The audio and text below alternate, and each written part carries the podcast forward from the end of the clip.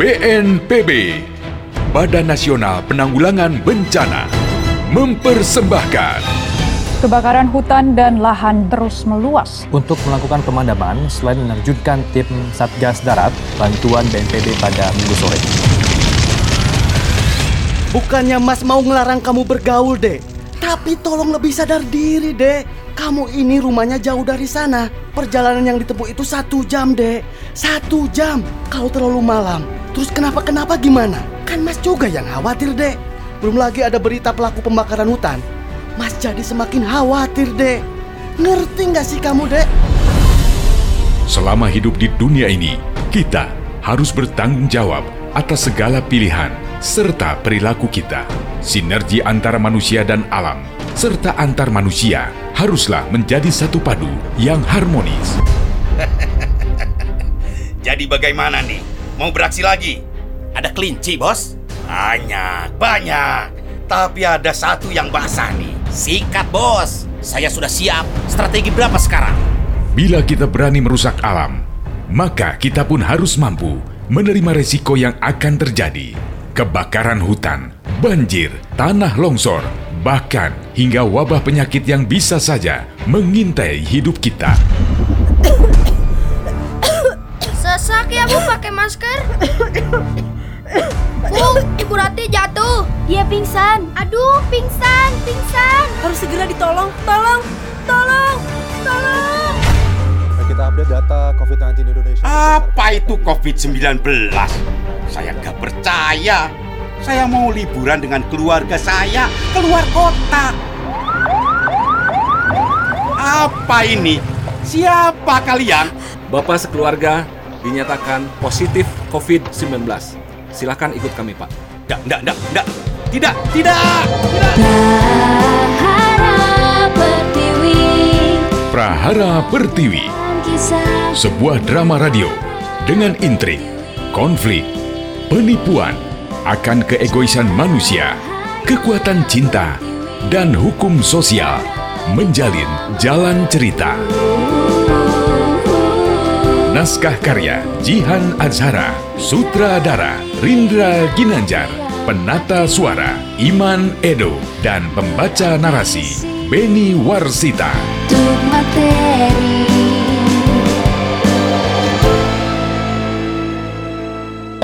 Aku pergi dulu ya. Eh, maskernya ketinggalan. Masker? Ini kan aku udah pakai. Iya, ini masker cadangan. Kalau pakai masker kain harus diganti. Jangan seharian dipakai terus. Oh, gitu ya, Yang. Iya, jadi nanti diganti ya maskernya. Iya. Sama satu lagi yang harus diingat-ingat. Ingat-ingat apa lagi? Ingat supaya tetap pakai masker, cuci tangan, selalu jaga kebersihan, hindari kerumunan, dan jaga jarak. Oh, maksudnya kita harus biasakan gaya hidup baru ya, Yang? Betul, kita ini harus disiplin dan komitmen. Sama jangan lupa, Hmm, tetap kompak agar kita bisa beraktivitas kembali normal. betul yang di masa adaptasi kebiasaan baru ini emang paling penting itu saling mendukung karena kita ini adalah makhluk sosial. Singkatnya, ingat 3M. Memakai masker, Betul? menjaga jarak, Ya, dan mencuci tangan pakai sabun. betul banget. Jaga jarak, jangan bikin baper orang. Hehehe, kok jadi ke situ sih? Ya udah, aku pergi dulu ya. Canda sayang, hati-hati ya di jalan. Semoga kita sekeluarga selalu sehat. Amin.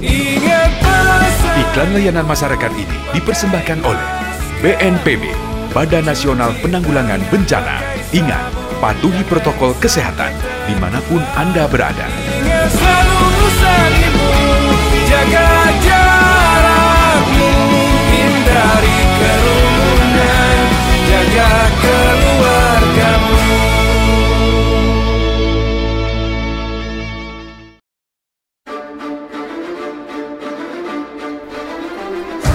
BNPB, Badan Nasional Penanggulangan Bencana, mempersembahkan serial drama radio Prahara Pertiwi, episode 14.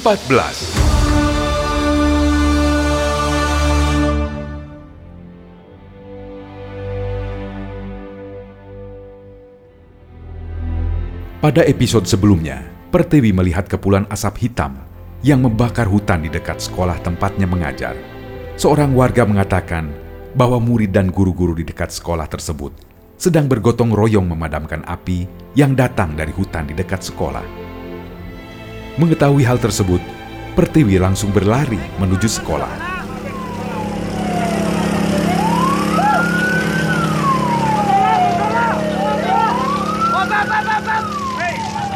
Mana embernya? Ambil lagi dari pancuran. Dari kamar mandi juga yang banyak ya. Ini bu embernya. Aku bantu bapak-bapak di sana bikin parit ya bu. Sini dulu sini. Kamu pakai sial ibu ini ya untuk nutup hidung. Hati-hati pas bantuin bikin paritnya. Kemuning, ada titik api juga ya dekat sekolah. Hah? Tiwi, kamu jadi datang sekolah? Iya, kan aku udah janji. Aku nggak tahu kalau ternyata ada kebakaran di dekat sini. Aku bantuin ya. Oh, makasih banyak ya, Tiu. Padahal titik api kebakaran hutan lainnya lumayan jauh loh dari sini. Tapi nggak tahu kenapa ya, mendadak ada satu di dekat sekolah. Nggak tahu siapa pelakunya. Dari arah jalan besar, muncul truk pemadam kebakaran yang membantu memadamkan api di dekat sekolah. Truk tersebut menyemburkan air ke arah pembakaran. Sementara itu, guru-guru di sekolah mengajak seluruh murid-muridnya untuk meninggalkan area sekolah dan diharapkan pulang langsung ke rumah masing-masing. Tetapi para lelaki dewasa tetap membuat parit di sekeliling sekolah untuk mencegah terjadinya perluasan kebakaran hutan. Api lebih sulit dipadamkan dari perkiraan. Angin kemarau yang kencang memicu api untuk menjalar dengan cepat. Tidak hanya itu, lahan gambut juga membantu penyebaran api dengan cepat di wilayah tersebut. Pertiwi dan Kemuning berhasil membawa Angkasa, Mustika, dan Juwita untuk kembali pulang dengan selamat ke rumah mereka.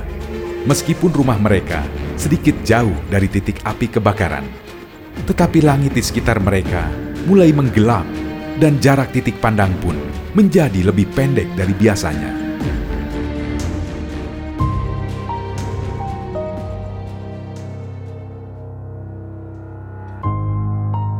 Dharma masih mencoba untuk mengatur emosinya di dalam rumah. Ia berjalan bolak-balik tidak karuan. Hatinya tetap tidak bisa tenang. Di satu sisi, ia menyayangkan perbuatan Pertiwi yang gegabah dan menyanggupi untuk membayar 3 juta kepada perusahaan abal-abal tersebut. Tetapi di sisi lain, ia juga menyalahkan dirinya yang memaksa Pertiwi untuk segera resign dari pekerjaannya sebagai guru.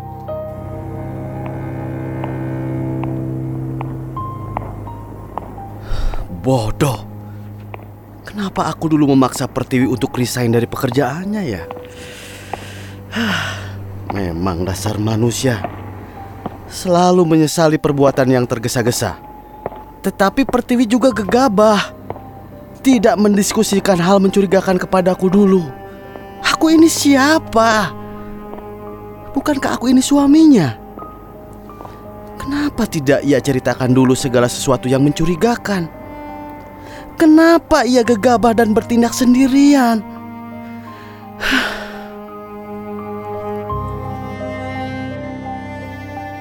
Dharma pun mencoba untuk bersikap lebih tenang. Ia mengambil posisi duduk dan memikirkan apa yang harus dilakukannya. Tidak juga menemukan ketenangan, Dharma akhirnya mengambil keputusan untuk segera mendatangi Pak RT. Masyarakat dunia saat ini tengah menanti ditemukannya vaksin untuk mengatasi virus. Udah mandi, Yang? Udah dong, kan habis dari luar rumah, pas pulang ke rumah itu wajib mandi langsung sayang. Soalnya sifat alami molekul pada sabun mampu merusak struktur virus corona. Ah, Jadi bisa aman pulang tanpa membawa virus. Betul. Ih, pinter banget. Eh, tapi tenang aja yang daerah tempat tinggal kita udah masuk kategori resiko tidak terdampak. Mm-mm, kamu tahu nggak artinya itu apa? Hmm, udah aman kan maksudnya? Maksudnya begini, daerah tersebut risiko penyebaran virusnya tetap ada, tetapi tidak ada kasus positif. ya. Oh gitu. Jadi sebetulnya kita nggak bisa abai gitu aja dengan protokol kesehatan yang sudah ditetapkan oleh pemerintah itu. Jadi harus tetap pakai masker iya, dong. iya, tetap pakai masker, Mhm. cuci tangan, selalu jaga kebersihan, hindari kerumunan dan jaga jarak. Maksudnya kita harus biasain gaya hidup yang baru ya? Betul. Kita harus tetap kompak dan disiplin dalam menerapkan 3M.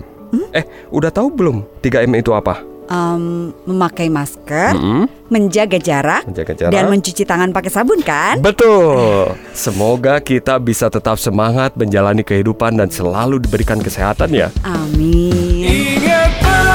Iklan layanan masyarakat ini dipersembahkan oleh BNPB, Badan Nasional Penanggulangan Bencana. Ingat, patuhi protokol kesehatan di mana pun Anda berada.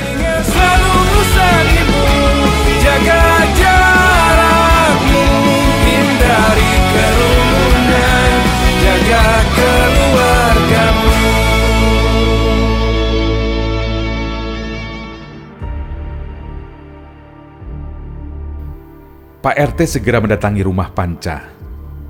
Namun alangkah terkejutnya, Pak RT ketika mendapati rumah Panca kosong, seperti tidak ada satu orang pun di dalam rumah tersebut.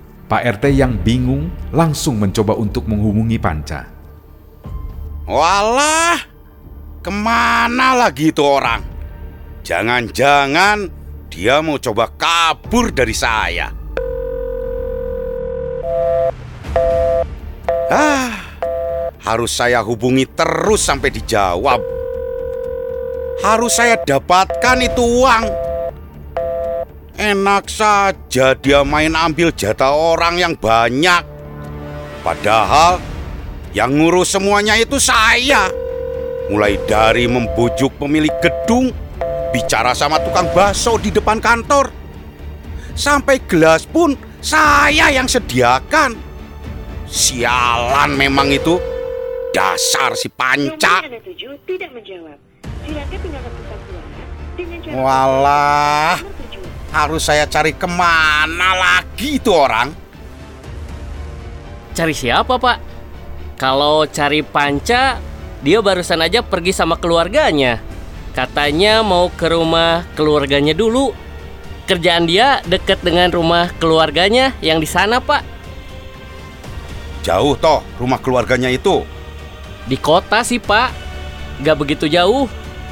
Tapi istrinya gak mau kalau Panca harus bolak-balik seperti itu. Jadi mereka memutuskan untuk tinggal sementara di rumah keluarganya yang ada di kota. Barusan banget ya perginya. Iya, betul, Pak. Walah, telat saya. Makasih ya atas infonya. Sama-sama, Pak. Sialan si Panca. Ternyata dia kabur ke kota toh. Awas saja yo. Kalau sampai kita bertemu, gak ada ampun. Huh, saya harus beresin masalah ini sendirian pula. Waduh, niat menipu malah ditipu balik sama partner kerja. Sialan.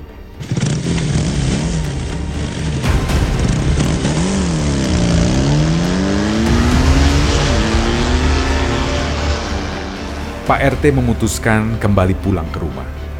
Ia pun sedang berpikir, kapan waktu yang tepat untuk menyusul Panca. Namun kali ini, ia harus mencari alamat keluarga Panca yang tinggal di kota.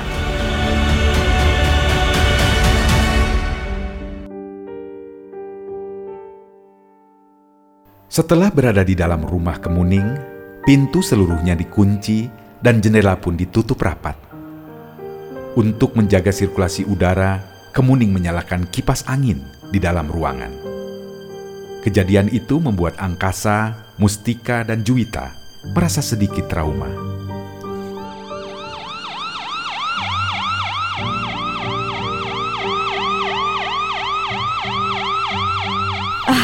Akhirnya mulai berdatangan juga truk pemadam kebakaran lainnya. Aduh, Mustika batuk-batuk. Bahaya nih. Kebakaran hutan kayak gini, selain warga yang tinggal di sekitar sini rugi secara materi, mereka juga terancam kesehatannya. Aku juga sedikit pusing nih. Ibu pusing. Mau dibuatin teh manis gak, Bu? Tenang aja, teh manis buatan Juwita itu endolita loh, Bu. Gak kemanisan, gak kepahitan juga. Hmm, boleh, tapi yang anget ya. Juwita kamu gak apa-apa?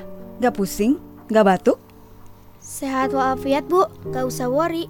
Juwita gitu loh. Kan dari tadi Juwita tutup setengah muka pakai jaket, Bu. Heboh syukurlah. bener deh tadi pokoknya. Ambil air ke kamar mandi, lari ke guru-guru di luar untuk disiram ke api sambil setengah muka ditutup pakai jaket. Oh, syukurlah. Eh, tadi Mustika ada adegan jatuh segala tadi. Lucu banget loh, Bu. Enak bener ya ngetawain orang. By the way, tadi direkam sama aku loh. Pas banget momen kamu jatuh. Aku upload deh di Twitter. Dan tahu nggak, yang nge-like, retweet, sama ngomennya nyampe lebih dari seribu loh. Wah, aku siap-siap OTW jadi seleb tweet nih. Masa sih? Kalau kayak gitu, video aku viral dong. Bisa jadi artis dong. Ih, hello, jangan kesenangan gitu dulu. Jadi artis viral kok seneng sih? Kan lumayan, siapa tahu ada yang mau kirim-kirim produk gitu.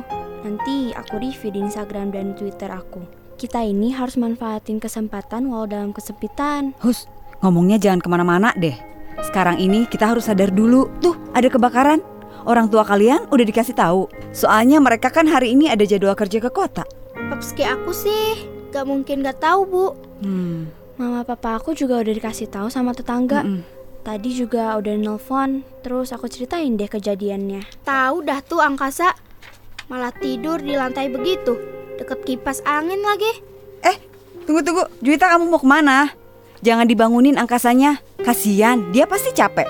Udah, kita bikin minuman untuk mereka yuk. Jangan jalan gitu ah. Terus nanti orang tua angkasa siapa yang mau ngasih tahu kejadian ini bu? Hmm, Mustika, kamu aja ya yang kasih tahu. Kayaknya mereka udah tahu dari orang tua aku sih bu. Oh. Tapi aku coba tanyain lagi deh. Iya iya. Wah, Bu Kemuning juga udah mulai batuk-batuk tuh. Yuk kita bikin teh manis. Juwita mau bantu ibu kan? Okidoki bu. Masa sih Juwita yang baik hati Shalala ini gak mau bantu? Bisa aja kamu.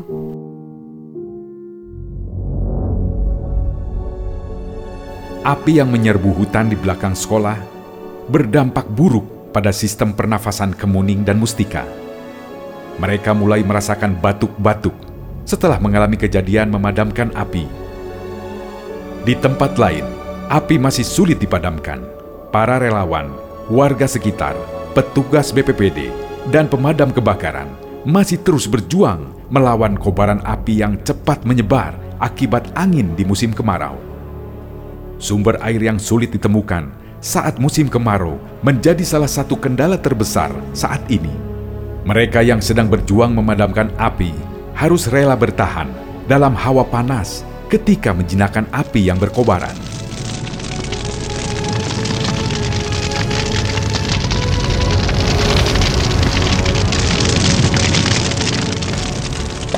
Aku pergi dulu ya. Eh, maskernya ketinggalan. Masker? Ini kan aku udah pakai. Iya, ini masker cadangan. Kalau pakai masker kain harus diganti.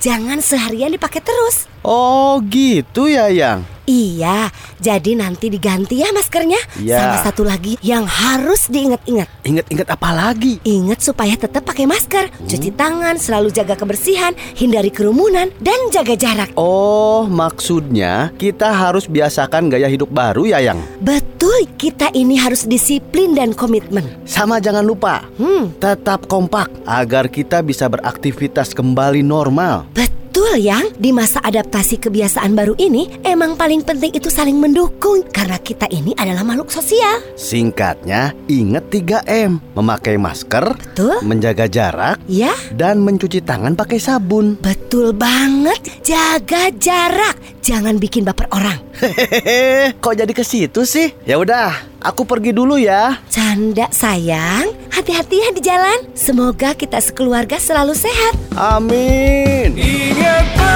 Iklan layanan masyarakat ini dipersembahkan oleh BNPB, Badan Nasional Penanggulangan Bencana. Ingat, patuhi protokol kesehatan di mana pun Anda berada. Selalu Jaga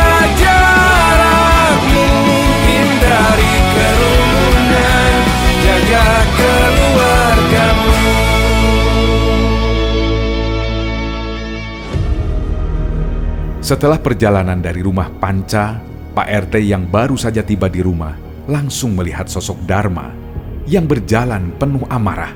Ia sedang bersiap menghadapi emosi dari Dharma.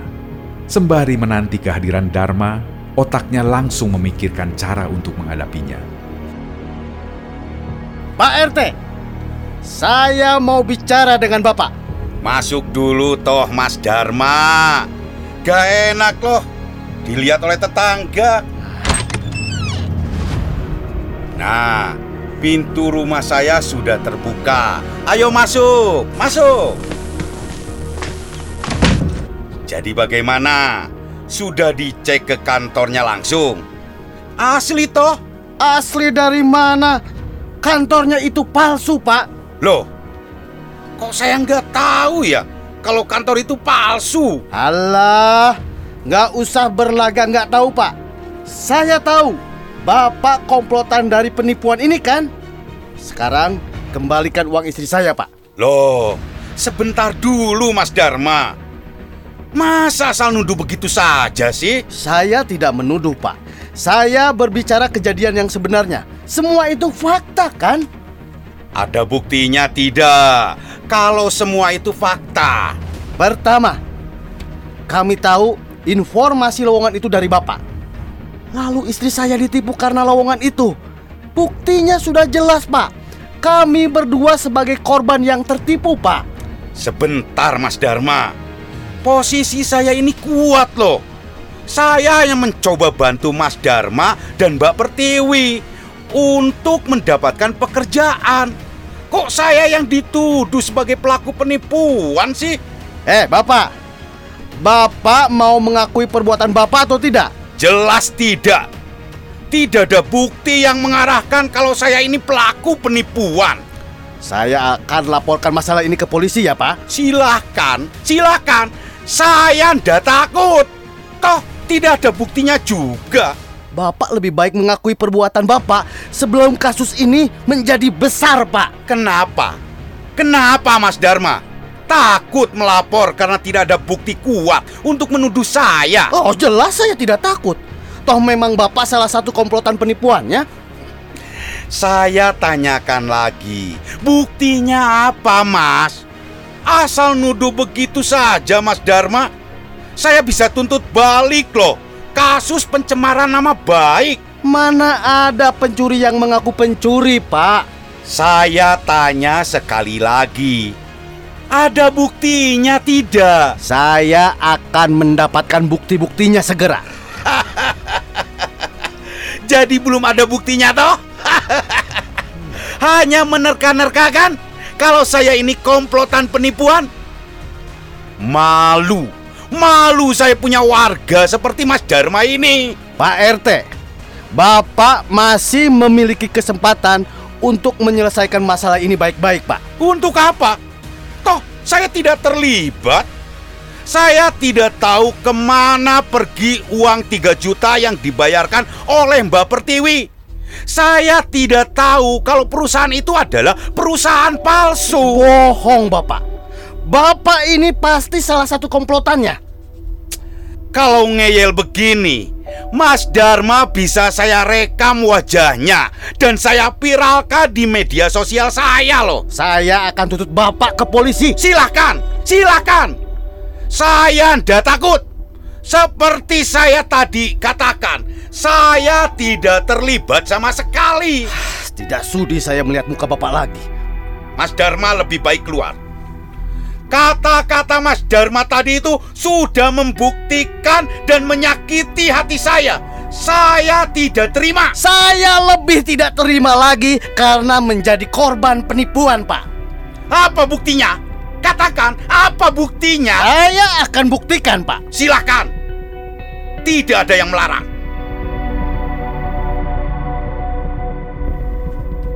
Sekarang, lebih baik Mas Dharma pergi dari rumah saya. Saya tidak akan pergi sebelum Bapak mengakui perbuatan Bapak sendiri.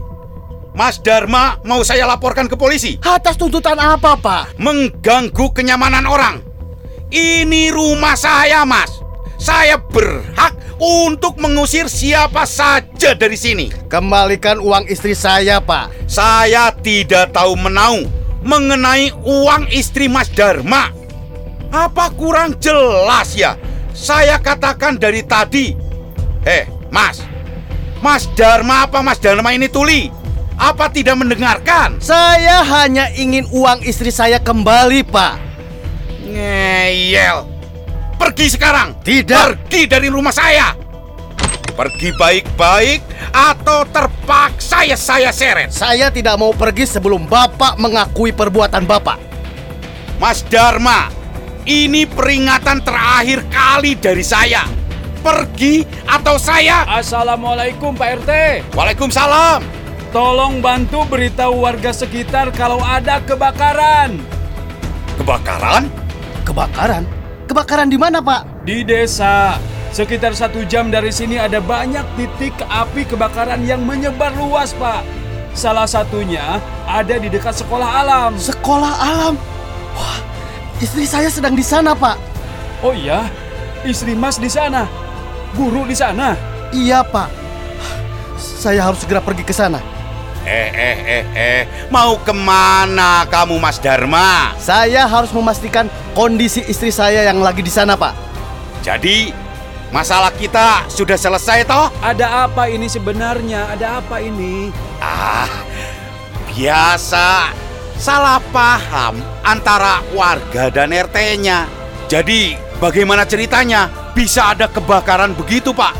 Ada oknum yang memang sengaja untuk membuka lahan ternyata Pak. Tapi di musim kemarau ini, api cepat sekali menyebar Pak. Terus, yang dekat sekolah alam itu, apa sudah padam?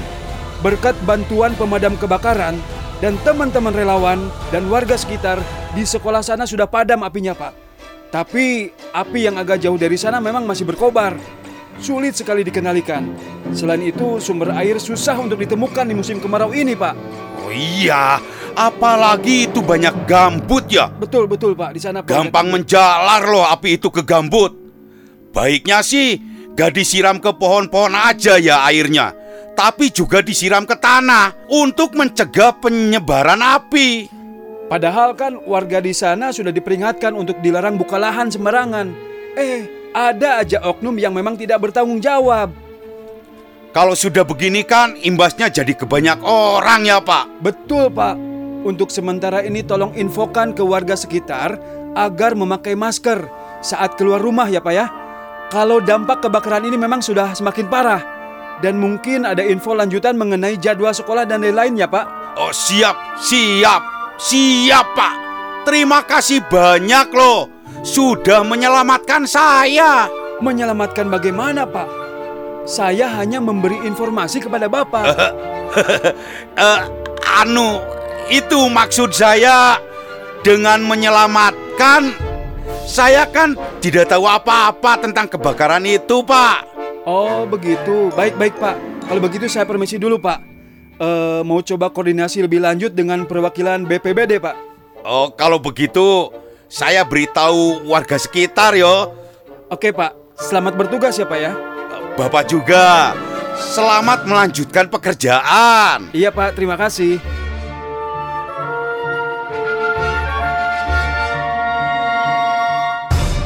Dharma yang mengetahui informasi tentang kebakaran buru-buru pulang ke rumah untuk mengambil motor menuju tempat Pertiwi berada. Pikirannya sangat kacau dan hampir saja menabrak kendaraan lain. Apa yang akan terjadi selanjutnya pada Dharma dan Pertiwi?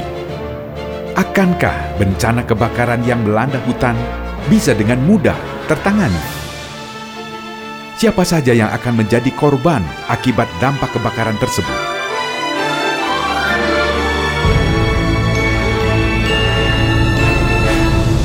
Masyarakat dunia saat ini tengah menanti ditemukannya vaksin untuk mengatasi virus. Udah mandi, Yang? Udah dong, kan habis hmm? dari luar rumah, pas pulang ke rumah itu wajib mandi langsung sayang. Soalnya sifat alami molekul pada sabun mampu merusak struktur virus corona. Ah, hmm? Jadi bisa aman pulang tanpa membawa virus. Betul, Ih, pinter banget. Eh, tapi tenang aja yang daerah tempat tinggal kita udah masuk kategori resiko tidak terdampak. Mm -mm, kamu tahu nggak artinya itu apa? Hmm, udah aman kan maksudnya? Maksudnya begini, daerah tersebut risiko penyebaran virusnya tetap ada, tetapi tidak ada kasus positif. ya. Oh gitu. Jadi sebetulnya kita nggak bisa abai gitu aja dengan protokol kesehatan yang sudah ditetapkan oleh pemerintah itu. Sang. Jadi harus tetap pakai masker iya, dong. iya, tetap pakai masker, Mhm. cuci tangan, selalu jaga kebersihan, hindari kerumunan dan jaga jarak. Maksudnya kita harus biasain gaya hidup yang baru ya? Betul.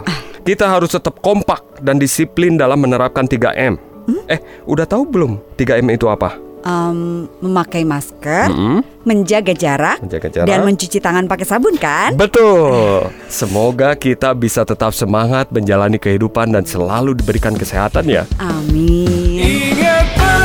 Iklan layanan masyarakat ini dipersembahkan oleh BNPB, Badan Nasional Penanggulangan Bencana. Ingat, patuhi protokol kesehatan di mana pun Anda berada. Selalu bersamamu, jaga jarakmu, hindari kerumunan, jaga keluargamu.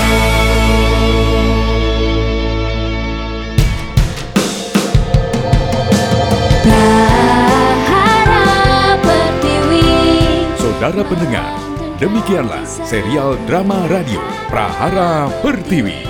Dalam episode ke-14 ini diperankan oleh Leslie Fatwa sebagai Pertiwi, Budi Koran sebagai Dharma, Babah Lonceng sebagai Pak RT, Irma Ria sebagai Kemuning, Bobby sebagai Angkasa, Kathleen sebagai Mustika, dan Owi sebagai Juwita. Simak episode selanjutnya dalam serial drama radio Prahara Pertiwi. Persembahan Badan Nasional Penanggulangan Bencana. Naskah karya Zihan Azhara, Sutradara Rindra Ginanjar, Penata Suara Iman Edo, dan pembawa cerita Benny Warsita.